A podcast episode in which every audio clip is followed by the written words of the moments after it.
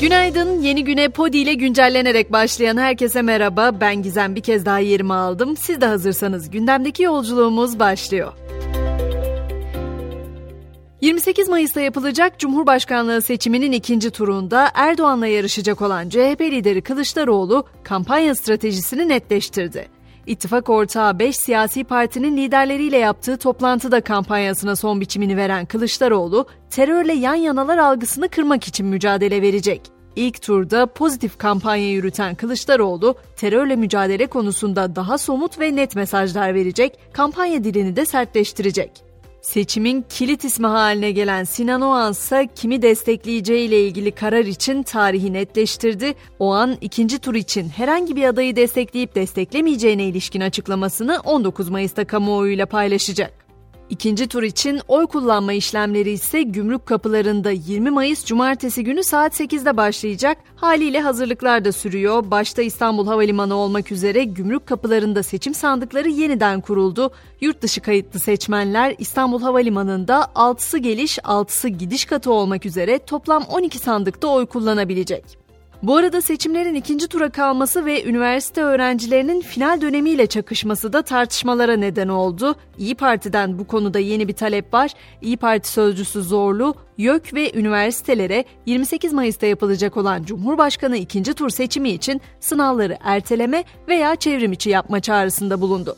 Türkiye Büyük Millet Meclisi de 28. dönem milletvekilleri için hazırlıklarını tamamladı. Meclis Şeref Holü'nde yeni milletvekilleri için kayıt masaları oluşturuldu. 16 siyasi partinin yer alacağı yeni mecliste pazartesi günü yemin töreni yapılacak. Ardından 10 günlük sürede yeni meclis başkanının seçilmesi bekleniyor.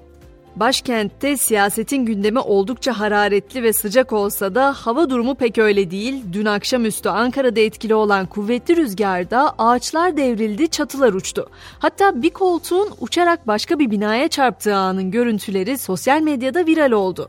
Fırtına bir caminin de minaresinin yıkılmasına neden oldu. Olayda bir kişi yaralandı. Meteoroloji bugün içinse Marmara bölgesinde yağışlar konusunda uyarıyor. İstanbul, Yalova, Kocaeli ve Sakarya'da bugün gök gürültülü kuvvetli sağanak bekleniyor.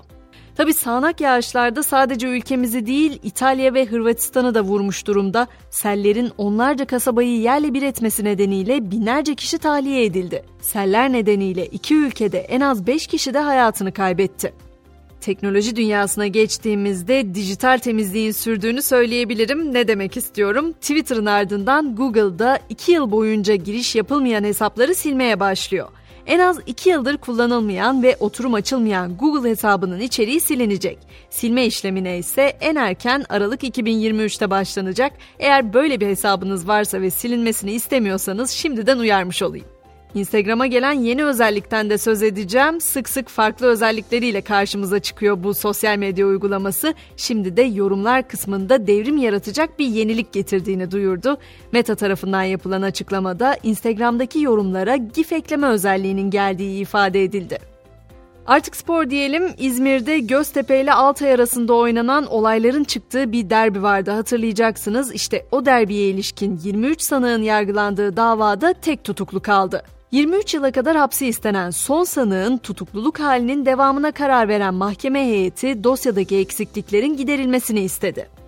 Süper Lig'de ise 36. haftanın programı belli oldu. 28 Mayıs'ta yapılacak olan Cumhurbaşkanı seçimi nedeniyle ligin 36. haftasındaki tüm karşılaşmalar 30 Mayıs Salı günü oynanacak.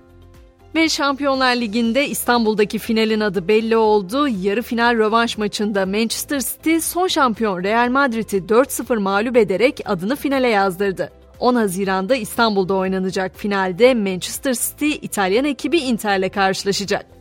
Son olarak bugün 18 Mayıs Uluslararası Müzeler Günü Kültür Varlıkları ve Müzeler Genel Müdürlüğü bugün Türkiye'deki tüm müze ve öğren yerlerine ücretsiz girilebileceğini duyurdu. Avrupa Müzeler Gecesi kapsamında da tüm müzeler saat 23'e kadar ziyarete açık olacak.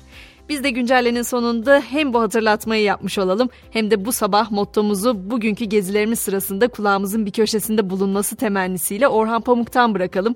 Müzeler gezmek için değil, hissetmek ve yaşamak içindir diyelim. Akşam 18'de tekrar görüşmek üzere. Şimdilik hoşçakalın.